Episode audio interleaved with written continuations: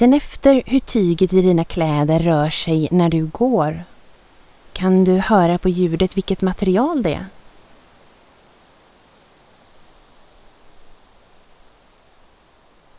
Är det det mjuka ljudet av bomull? Eller mer prassligt, styvt? Eller nästan ljudlöst med 70% akryl? Se dig omkring på dina medmänniskor. Vad har de för kläder på sig? Kan du se på dem vad de vill uttrycka genom sina klädval? Sportig? Intellektuell? Miljömedveten? Mode är en stor och viktig industri både globalt och lokalt. Stockholm tar mer plats på den internationella arenan som en modestad. Hur vi producerar textilier och kläder samt hur du konsumerar mode spelar en stor roll i resan mot en hållbar värld. Detta är stora utmaningar för modeindustrin. Men dina val och kanske också dina komplimanger till medmänniskor spelar roll för vad som får status. Vilka olika märkningar för hållbara kläder känner du till? Är det så att det enda hållbara alternativet är second hand-plagg? Eller är det så att storskalig återvinning av textilier skulle kunna ha än mer påverkan på miljön? Eller kanske är det så att vi helt måste byta ut vilka material som är basen i våra garderober för att många material vi använder idag är för vattenkrävande att producera.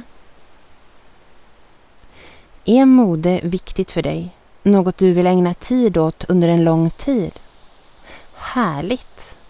Då är det nog så att du ska komma på ett löfte som hjälper modeindustrin till att bli en del av den cirkulära ekonomin. Nu en viktig del.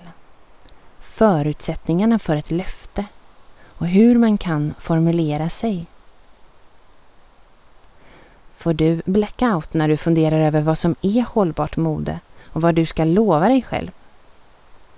Börja med att fråga vad du tycker är viktigt. Du kanske vill bidra till att färre kläder slängs. Ditt bidrag skulle kunna vara att lära dig mer om hur mycket som slängs i Stockholm och ta reda på hur man återvinner kläder. Då blir ditt bidrag att du söker svar och berättar för andra om hur hållbar modekonsumtion fungerar. Var börjar din resa? Börja nysta i det första du kommer på. Det finns säkert något i det där första som känns rätt. Ett löfte som känns kul att ge och diskutera den med andra festivalbesökare. Om du taggar ett inlägg med hashtag MyPromise2030 så kan andra hitta ditt löfte och diskutera olika infallsvinklar. När du väl känner att du är nöjd så kan du lägga ditt löfte i en tidskapsel på www.minnen.se. Minnen.se drivs av Nordiska museet och de kommer att spara alla löften i en tidskapsel som öppnas år 2030. De kommer försöka få tag på dig i framtiden då de öppnar tidskapseln och återkoppla ditt löfte. Visst är det spännande att tänka sig själv se tillbaka på hur man tänkte nu. Var du inte tillräckligt långt gången i dina tankar?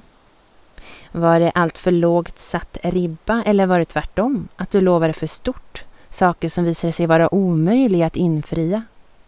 Har diskussionen förändrats? Det är omöjligt för oss idag att veta vad som är helt rätt. Men vad tror du att du skulle vara stolt över att se tillbaka på, som du lovade?